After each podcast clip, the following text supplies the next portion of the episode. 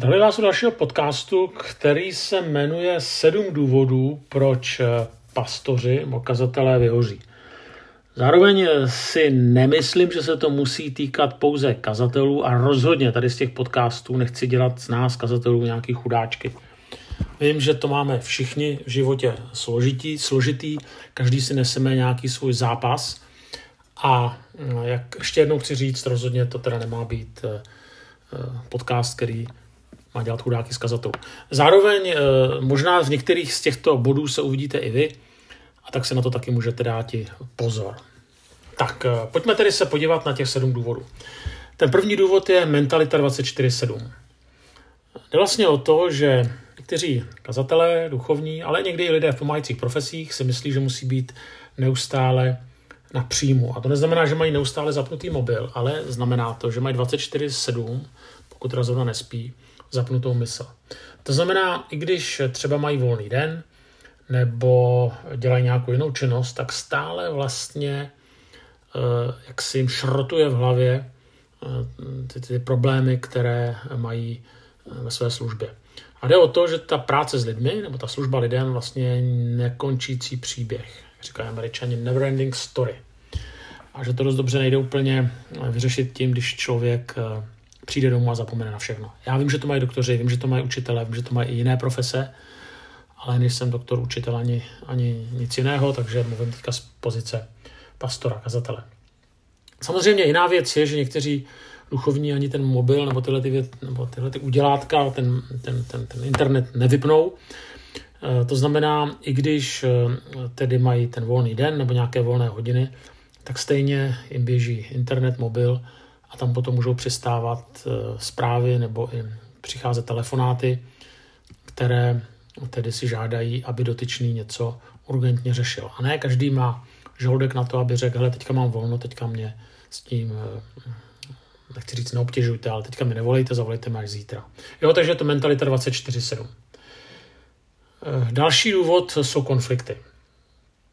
Slyšel jsem někdy takové rčení, že eh, vlastně konflikt samotný není problém, problém je to, jak konflikty řešíme. Když jsem mluvil s různými kazateli, a víte, že se pohybuju nejenom ve sboru, ale i v celé církvi, tak si nepamatuju, že by někdo z nich byl na dně, protože by byl přepracovaný. A mají toho skutečně někteří velmi mnoho. Ale to, co je nejvíc eh, dostalo, a to, co nás nejvíc dostává, samozřejmě jsou konflikty. Nikdo z nás nemá rád konflikty, konfliktům se normální člověk vyhýbá.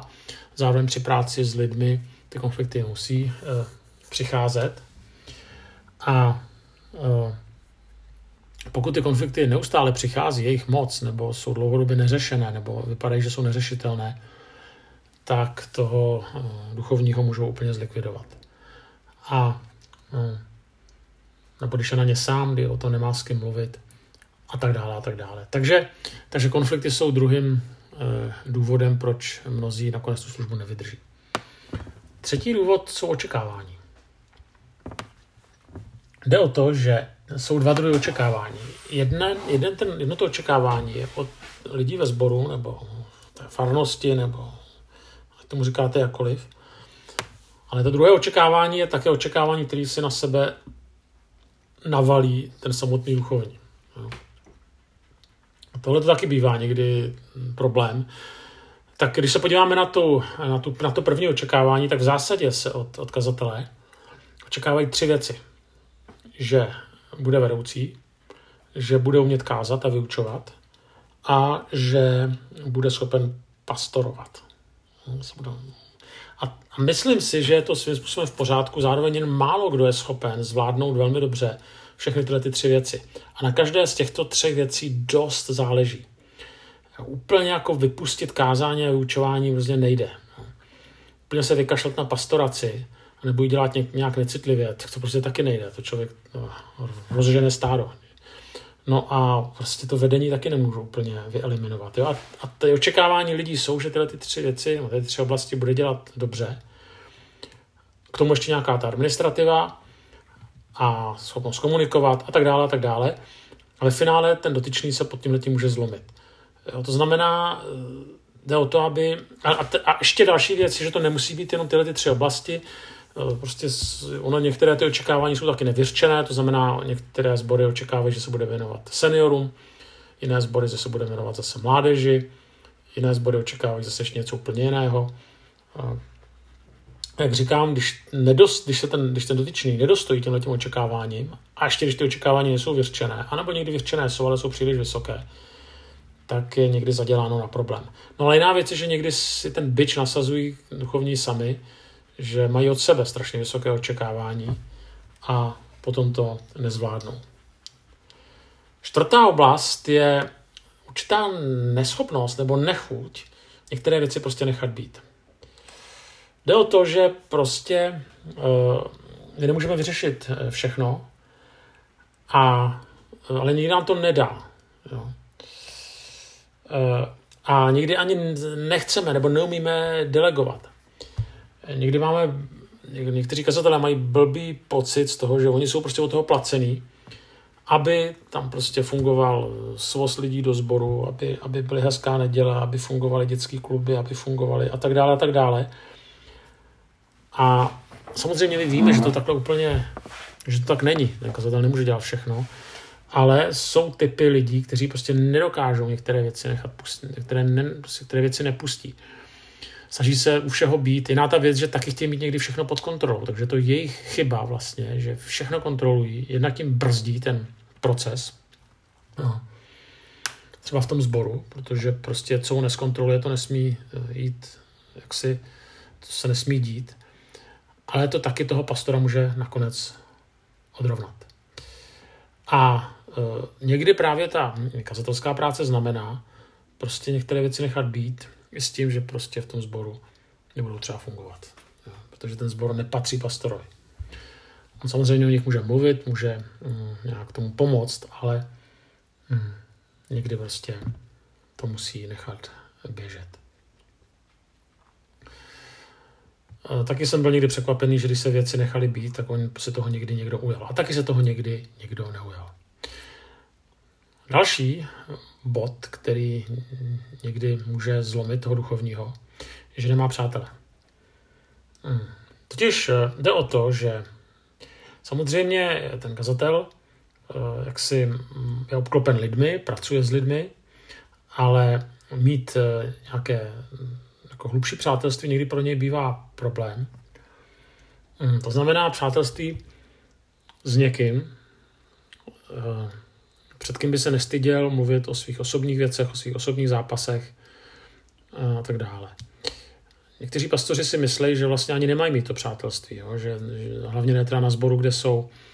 Já si nemyslím, že to takhle musí být, ale každopádně to nebezpečí, že jste osamělí mezi lidmi, tak uh, kazatelům jako velmi hrozí. A mm, jde taky o to, že někdy propadají takovému syndromu, nikdo mi tady nerozumí. Jo, takže eh, díky jejich specifické eh, práci. A tím zase neříkám, že to je pravda, že mu nikdo nemůže rozumět, ale taková samota, kterou mnozí prožívají, ta bývá někdy eh, náročná.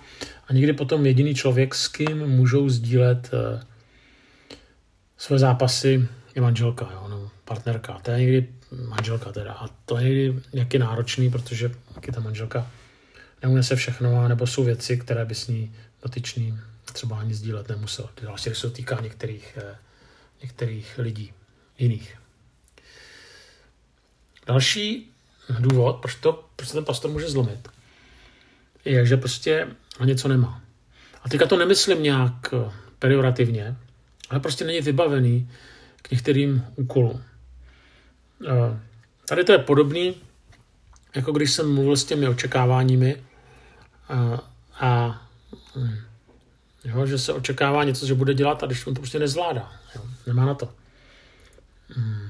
Někdy je to kvůli určitým fyzickým indispozicím, někdy kvůli psychickým indispozicím, někdy to prostě neumí, nezná, není odborník na všechno. Um, prostě tak to je. Bůh nám nedal všechny duchovní dary, které existují, nikdo nemá všechny. Problém je, že tohle to samozřejmě víme, ale pak se s tím někteří nedokázejí srovnat. Jo? A a, a, dělají věci, které jim prostě nejdou, které neumí, v kterých e, prostě nedosahují kýžených výsledků a pak se z toho hroutí. Jo. To znamená, je taky třeba nejenom vědět, co umím, ale taky, co neumím. a nebát se ty věci, které neumím delegovat, anebo je prostě nechat být. No, úplně jako největší asi bizár bylo, když jsem v jednom sboru zažil, že kazatel, protože byl jediný, kdo pracoval na plný vazek pro ten sbor, tak ho pověřili, aby prostě dělal stavební dozor. No, tak dovedete si představit, jak to dopadlo. Jo, tak to je extrém, jo, ale prostě dopadlo to teda špatně, abych, abych to dokončil, protože prostě to nebylo úplně není jeho profese.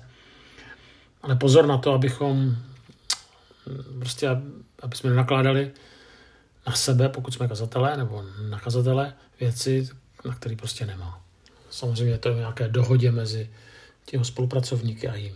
No a poslední, je to tak, že ten kazatel nemá vlastně žádný život mimo sbor. O co jde, že? Eh, že jednak samozřejmě ztrácí nevěřící přátelé, no ale ještě jiná věc je, že postupně přichází v různé koníčky. Jo. Taky xkrát, já jsem si to uvědomil i v určitých momentech i u sebe, že církev mě tak pohltila, že vlastně jsem neměl čas na nic jiného, než na církev a na věci, které se tedy hm, týkaly sboru, jo, zborových aktivit. A to se trošku změnilo, když se pak narodili děti, ale stejně. Jo, tohle je taky nebezpečí, že člověk žije jenom v tou svojí, prostě jenom sborem a postupně prostě nemá čas na sport, nemá čas na, na čerbu, pokud to nejsou nějaké biblické komentáře, eh, nebo nemá čas. Postupně o to přichází, protože veškerý volný čas eh, věnuje eh, církvi a, a sboru. No a tady to, že prostě najednou není žádný život mimo ten sbor, nakonec se mu začne zajídat. A začne ho to taky, taky lámat. Tak to bylo, to bylo pár takových no, myšlenek, proč tedy se někteří pastoři zlomí nebo dokonce vyhoří. A to ještě jednou zopakuju, je to mentalita 24-7, konflikty, nereálná očekávání od druhých i od sebe, neschopnost nechat eh, věci běžet, málo nebo žádní přátelé, neschopnost vykonávat některé úkoly, které teda ani vykonávat neumí nebo nemají, a potom eh, postupně přijdou o život, eh, který je, nebo žádný život mimo ten sbor, mimo církev. Jo, že přijdou postupně o ty koníčky a ty věci, které dělali předtím, než se stali kazateli. Tak eh, je to takový výčet, samozřejmě není úplný, bylo by zajímavý dodat, no, přidat nějaké další.